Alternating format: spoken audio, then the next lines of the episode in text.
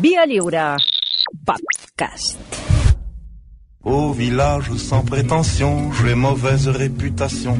Je me démène, Hola, je reputació. sais quoi, Je passe pour un Què rius, què rius tu, Malcolm? Tu no entens de reputació. No, no cap ni una. Fa dies que l'has perdut, ja. Dir això. Bueno, sí, sí. Demà, demà, mira, ja, ja avanço. Hola, Santi, eh, perdona. Eh, que ens has dit hola aquí i sembla que ens haguem quedat. No, demà, um, demà ten- tenim plat estrella i tenim una conversa estupenda amb el David Verdaguer, que vam anar a fer al restaurant Perfecto, um, com fem habitualment amb el plat estrella. Tu has anat alguna vegada a algun restaurant? la- l'actua- L'actuació... Jo, jo et destacaria, Santi, que escoltis l'entrevista només per veure la, bueno, la, la, la prosòpia de, del Malcom Otero. La conec, la conec. Bueno, una, una pregunta, una Estava, pregunta. estava ocupat per menjar. Saps què vull dir? Però bueno, en fi. Una- Bueno, esteu bé o no? No hi ha, no hi ha embotits a l'estudi, no? No, no, no, no, no, avui no hi ha Jo soc a no Madrid, però agafo un jet en teletransporto, si cal, saps? Vull dir, apareixo ja... Cada Madrid- que me ves, hago... hago- hago Madrid no, tenen. Madrid no tenen platja ni embotits bondó, això ja ho sabem. No, No, però tenen sí, els tenen, tenen oberts per la nit, eh? Això sí, això sí, això sí. Això sí. Sí, per això, Bueno. per això ha anat. I ha fet la, està fent la, el que es diu la, la ruta de los asadores. Eh? Bueno, com ho porteu? Bé, tot bé, tot bé. Mm. Tot bé. Sí. Així, avui- ara podem començar, perquè ara el Malcolm deu estar fent la digestió del seu segon esmorzar, que és l'hora més o menys que esmorza per segon cop, i i està fent temps per arribar al vermut d'abans de dinar, després anirà el, el, primer, el primer berenar, després el segon berenar, el, el presopar, el sopar i després el ressopor, més o menys. Però bueno, mentre, mentre, mentre la, vida pas, la vida és allò que passa mentre el Malcolm degluteix, començarem amb, el, amb els execrables. Sí. A veure, avui parlarem d'una de les poques estrelles de l'All-Star de la Segona Guerra Mundial que ens quedava pendent. De fet, parlarem d'un home que era un veritable desastre, però el que la propaganda britànica ha convertit en un mite i un heroi. Els anglesos ja ho tenen, això.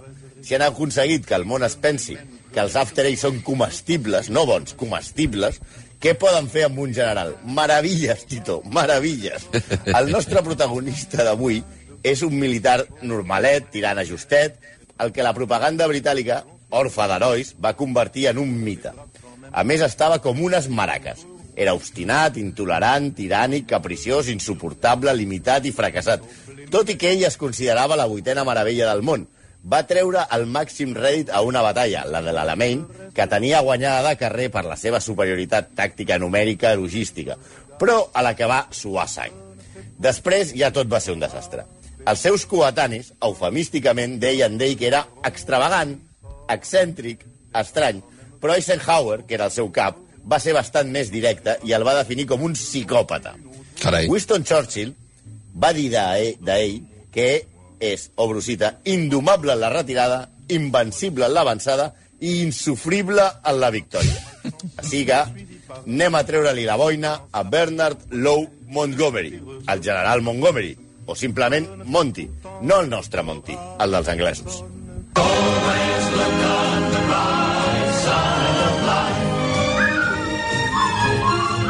Bona cançó, bona cançona.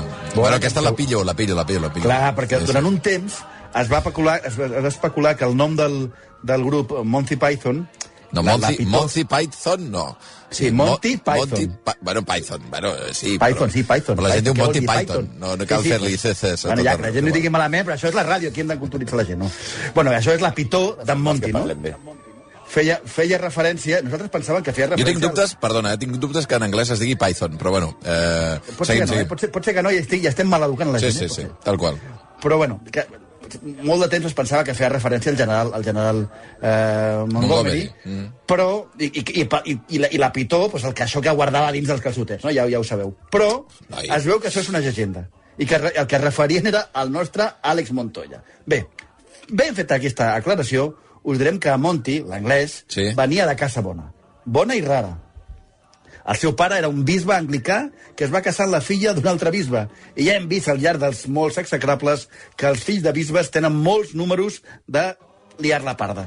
A més, la seva família, noble durant segles, ja havia pro- protagonitzat incidents, diguem-ne curiosos.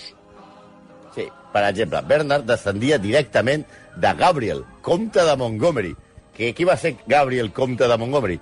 Homicida per accident del rei Enric II de Oh, França. oh. A, aquí, sí, durant un joc entre cavallers, d'aquells que feien, Sí. ara pues, va, tenen la PlayStation, però abans no en tenien, i els cavallers jugaven a la guerra. I el, en el joc aquest, Gabriel, comte de Montgomery, li va treure un ull i es va carregar al rei de França. Hosti. Bé, bueno, un accident el pot tenir qualsevol.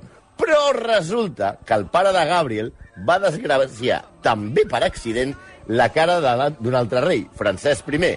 Quan ja jugaven, també, penseu que estaven molt avorrits quan no hi havia guerres, els nobles estaven jugant a llançar-se carbó calent com si fossin boles de neu.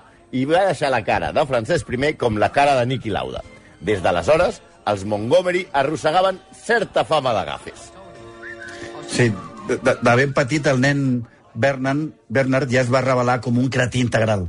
Era el quart de nou germans, i els seus pares, especialment la seva mare, no van estalviar-se durs càstigs físics per mirar de cobeís, però no va funcionar. Al contrari. De fet, ell va prohibir al seu fill visitar mai a la seva àvia i no va anar a l'enterrament de la seva mare. Una família unida, vaja. El nen Bernard cada cop era més insuportable. Els seus companys d'escola el recorden com un nen capriciós, emocional i intel·lectualment immadur, individualista i molt trapella.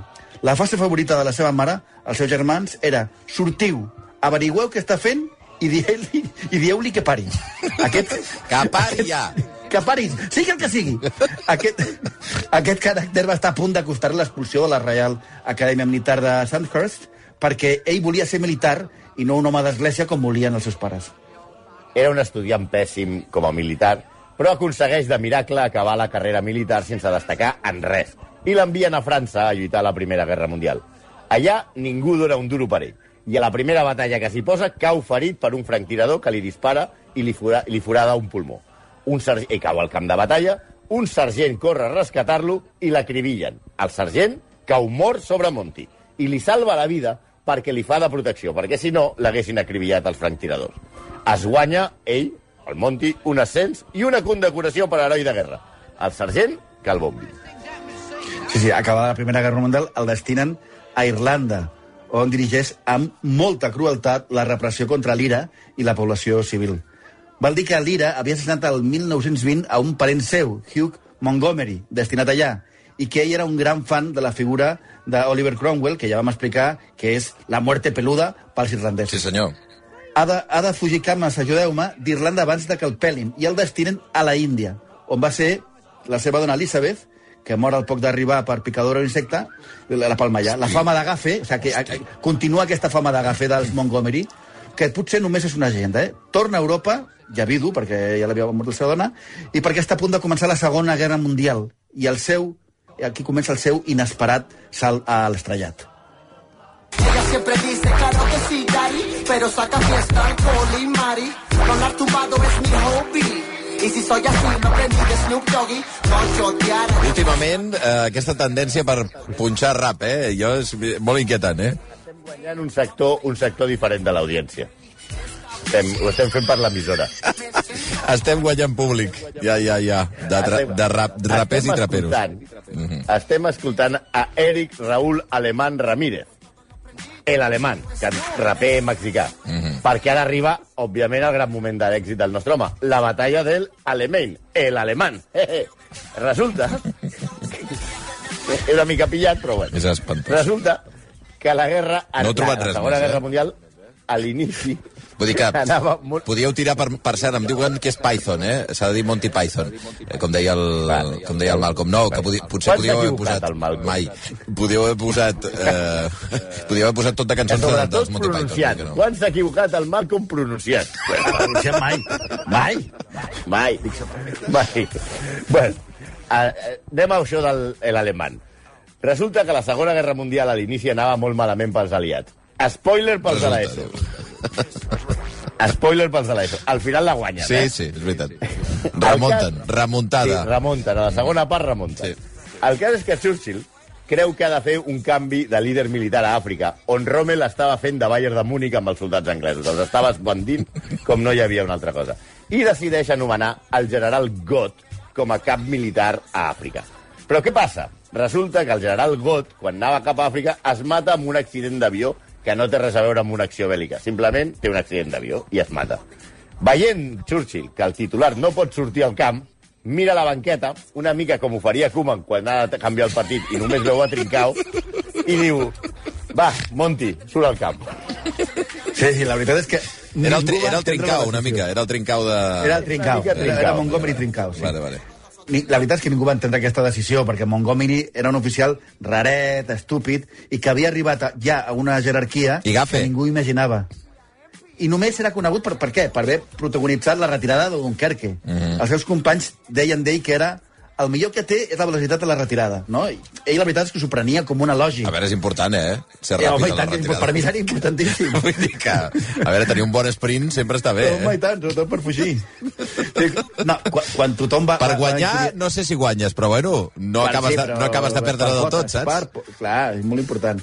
No, però quan tothom li va preguntar a Churchill per, per què d'aquesta decisió, posar Montgomery contra Rommel semblava un suïcidi, va respondre que, obro cita, de la mateixa manera que resulta insuportable per nosaltres, resultarà, resultarà insuportable per l'enemic. És una mica com la pel·lícula de Mr. Bean, no? que l'envien cap allà eh, per, per liar-la, parda. No? O sigui, alguna cosa farà, ens la- ens l'embolicarà. L'única figura comparable era el d'aquella execrable que va fer, que era l'Emily Vogue, que el van fer fora de la guerra per estúpid. Sí, sí, sí. Sí, era molt gran.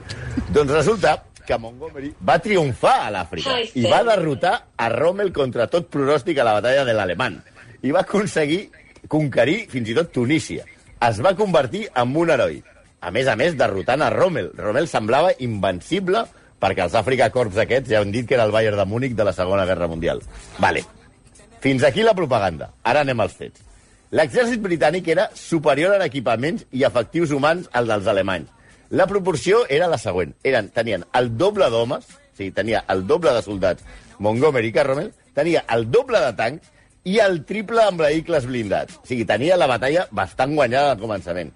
A més a més, per si això fos poc, quan va començar l'ofensiva aliada al desert, Rommel no estava a Àfrica, estava convalescent a Àustria. Les tropes les manava el seu segon, que es deia George Stumne, que a l'inici de l'atac britànic va palmar d'un atac de cor. O sigui, diguem-ne que abans de començar el partit li havien expulsat a quatre jugadors i li havien pitat tres penaltis a favor. L'Àfrica Corps va perdre, a més, tot el seu subministre de combustible i la majoria de tancs alemanys no van ser destruïts en batalla. Els van haver de deixar abandonats al desert per falta de combustible. O sigui, no hi havia el RAC per venir a posar-los benzina. Tant era. Montgomery ja era una estrella. És clar, perquè Anglaterra necessitava herois i van convertir a Monty en un. Els alemanys, la, la, la veritat, s'ho van creure i van planificar el seu assassinat. Els anglesos li van posar un doble per evitar atemptats. Això vull dir, per evitar atemptats amb el, amb el veritable, però l'altre que es foti. O sigui, el, el doble era l'actor que es deia, un actor que es deia Clifton James.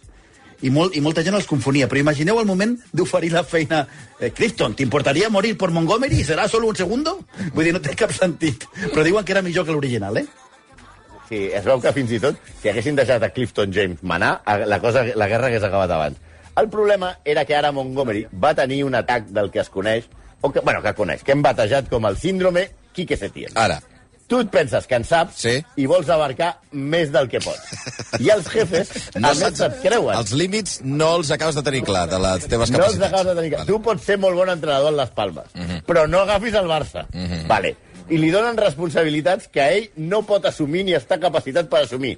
Això és el que hem batejat com La- síndrome Quique Setién. Però la pregunta és, els, jefe, els jefes ho saben o no ho saben? Tant en el cas de Montgomery com en el cas de Setien. Exacte, se'l creuen i es crea creuen, a vale, l'efecte vale. Setién, Vale, vale. que és li dones a un inútil una cosa que no pot, que no pot as- assumir. Els jefes se'l creuen i li donen responsabilitats que no pot assumir. Li encarreguen la conquesta d'Itàlia, començant per l'illa de Sicília. Li van dir Operació Husky, no sabem per què. No, no té cap Allà sentit. coin- Sí, perquè te l'imagines no cap husky, bueno, fred. És la, és dada, és la dada inútil del dia. Mhm. Allà coincideix amb el general Patton, Ara. que és, el, que és diguem-ne, el que va fer tota la feina. Mhm. Patton odiava a Montgomery i viceversa. Patton considerava Monty, el dels anglesos, un covard que no usava els tancs per por a perdre'ls i que se'ls se li reiessin el tanc. I va fer, van fer els dos de la campanya d'Itàlia una competició entre els dos a veure qui avançava més quilòmetres, com quan es posen Messi i Cristiano Ronaldo a veure qui marcava més gols, quan marcaven gols. Va guanyar Patton per golejada, però Monty, quan va conquerir Itàlia, es va apuntar un altre tanto. Per tant, el síndrome Setien seguia creixent. Sí, sí, el problema tornava a créixer, perquè ara li donen a, Mon a Montgomery una operació militar encara més complicada i aquest cop no tindrà a Patton al costat per salvar-li el cul. Convençut ell de que és un gran general, idea l'operació Market Garden. Ui. Un desembarcament aeri a Holanda per capturar els ponts sobre el Rin i avançar sobre Alemanya. Això va ser com el 8-2 del Bayern, en gol de Coutinho inclòs, eh? Els aliats van ser massacrats i aquella va ser l'última última gran batalla que van guanyar els alemanys, que ja estaven mig derrotats i van poder revifar una miqueta. Sí, l'atac es considera el més gran exemple de... Uh, un exemple absolut de compendi d'incompetència militar, que va costar la vida a milers de soldats aliats que es van veure aïllats i massacrats pels alemanys mentre esperaven uns reforços que mai van arribar. Tots els assessors, abans de l'operació, Sí. li van dir a Montgomery que el pla era una bogeria i que fracassaria. No ho facis, Ell va Monty, no ho facis. No ho vagis. No anem a Lisboa, no anem a Lisboa amb l'Englet, que ens la fotrà. Sí, sí, sí. És més, el general polonès Sosabowski el va advertir que aquella operació era un suïcidi. Però quan va fracassar, Montgomery li va fotre les culpes al polonès. No, Ara. ha sido él el que Ara. me dijo que pusiera l'Englet. Ara, ara. Sosa Bowski, m'encanta. Quan, quan va acabar la guerra, els aliats van guanyar i ell va dir, i ell va arribar a dir, quan acaba la guerra i, i es firma l'armistici, ell, Montgomery, va arribar a dir que tot i la desfeta de l'operació Market Garden, aquesta havia estat decisiva en el desenvolupament de la guerra. Quins nassos. En sentir això, el príncep d'Holanda, que estava a la conversa, va respondre. I això és textual. Miri, senyor Montgomery, no sé si Holanda podria permetre's una altra victòria seva. Anys després, Elegantíssima resposta, eh? Em sembla brillant, eh? elegantíssima. Sí, sí. Anys després, els historiadors han trobat la raó de la seva incompetència.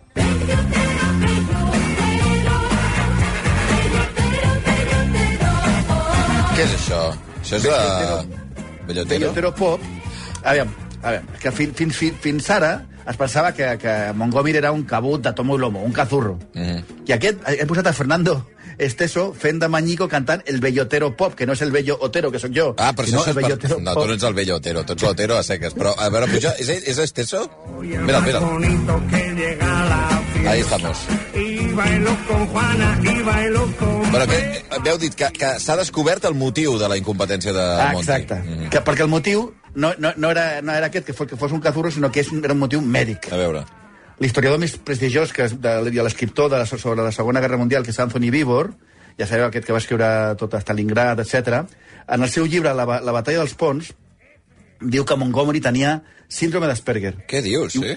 Una conclusió que també ha arribat un psiquiatre irlandès, el, el psiquiatre Michael Fitzgerald, autor d'un estudi que no sé si pel títol descobrirem de què va, que es diu Tenia el difunt mariscal Montgomery síndrome d'Asperger? Aquest és el títol. És un títol crític. Molt críptic. Doncs es veu que sí. Sembla que com una casa de pagès i de manual. Tela.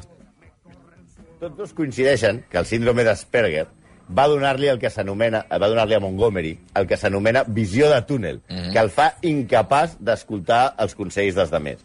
Fitzgerald afegeix que, a més, patia un deteriorament qualitatiu de la interacció social i patrons de comportament, interessos i activitats repetitius i estereotipats, que no descarten, tampoc, que patís un autisme d'alt funcionament. Res greu si tens una feina normal i es tracta convenientment. Però manar milers d'homes amb una guerra amb aquestes carències, home, pues et fa una miqueta perillós. Sí, bàsicament perquè, segons els dos experts, aquest síndrome va exagerar el deteriorament de, qualitatiu de la seva capacitat de comunicació. El feia considerar-se autosuficient, intolerant a l'autoritat, extremadament egocèntric i sense cap empatia amb la resta de éssers humans. Segons tots els autors, Montgomery era, obro cita, capaç de tenir comportaments increïblement cruels i dolents amb altres persones. Heu vist, si heu vist aquest vídeo de, a YouTube que hi ha un ximpanzé que agafa una metralleta i dispara, doncs busqueu-lo. Pues, perquè ell era, sens dubte, Era a- aquest, aquest, aquest mico. És la persona perfecta per donar-li 200 tancs. Ara. Sí, per completar el quadre de Montgomery era absolutament misògin, perquè després de la mort de la seva dona va viure amb les dues de les seves germanes solteres i tenia també uns atacs d'ira terribles i era impossible discutir amb ell. Si, discutia, si el que discutia era un subordinat, el despatxava immediatament, el feia fora. No volia ningú que li portés la contrària. També discutia amb els superiors. Tenia fregit, per exemple, Eisenhower, que un cop li va dir enmig d'una bronca Monti, no em pots parlar així, tio, que sóc el teu jefe. Sí, és que el problema és que la seva percepció de la realitat estava absolutament equivocada. Perquè tot i comportar-se com un capullo, estava conven- convençut de que la gent l'adorava. Per exemple, considerava que el general Bradley, que és un nord-americà superior de Patton, i el que va evitar que aquest se'l se pelés, l'odiava a mort. Però ell estava convençut de que eren grandíssims amics. Tant que un dia el va convidar per Nadal a casa seva.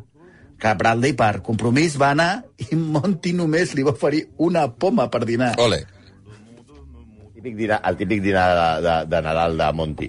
Va ser un greu problema, també Montgomery, per les relacions entre Estats Units i Anglaterra que eren aliats a la guerra, perquè constantment menyspreava els americans dient-los que no podia tenir en consideració a un país en tan poques dècades de coneixement, mentre que Anglaterra en duia segles. Sí, quan va acabar la guerra va passar, va passar a ser comandant en cap de l'exèrcit britànic al Rin, després cap d'estat major imperial, però tot arreu durava poc perquè era insuportable. Així que els anglesos van tenir la gran idea d'enviar-ho a la OTAN i que l'aguantessin un, uns altres fins que es va jubilar a l'any 58. Sí, va ser el cap de la OTAN fins al 58 i fins a la seva mort, que va ser el 75, va ser un personatge molt popular perquè opinava de tot. Home, evidentment, el tio era un cretilla de collons. Va criticar, per exemple, la legalització de l'homosexualitat, creia que els homosexuals havien d'estar a la presó, va recolzar sempre la política sud-africana de l'apartheid i sempre va criticar tot el que feien els americans. I, tant, o sigui, odiava els americans. Sent tan fatxa com era, la guerra del Vietnam no li va semblar bé. Finalment, només ha passat a la història per l'abric que tothom ha portat algun cop, potser sense saber que es diu Montgomery. Es diu Montgomery per, per Bernard Montgomery. Aquí es coneix més com una trenca. Però no és res més que un abric militar modernitzat que la gent comprava després, quan no tenien un duro després de la, de la, a la postguerra en botigues de segona mà que eren els que els soldats morts havien donat per, perquè es tornessin a vendre. Doncs, I aquest és sí. el nostre cretí d'avui. El Bernard Montgomery, un dels eh, protagonistes de la Segona Guerra Mundial, eh, un absolut inútil en aquest sentit a la guerra. I... Però m'he quedat amb la, amb la resposta elegantíssima del màxim... Qui era, el rei d'Ho- d'Holanda, has dit? El príncep era El príncep. príncep, el príncep. No sé si estem preparats per aguantar una segona victòria seva, General Montgomery. Brillant. 11 i 5 minuts. Avui els execrables Bernard Montgomery. Gràcies, Santi, gràcies, Malcolm, que vagi bé. Molt bé, ciao, ciao. Vosaltres. viendra me voir pendu, sauf les aveugles, bien entendu. 11 i 5.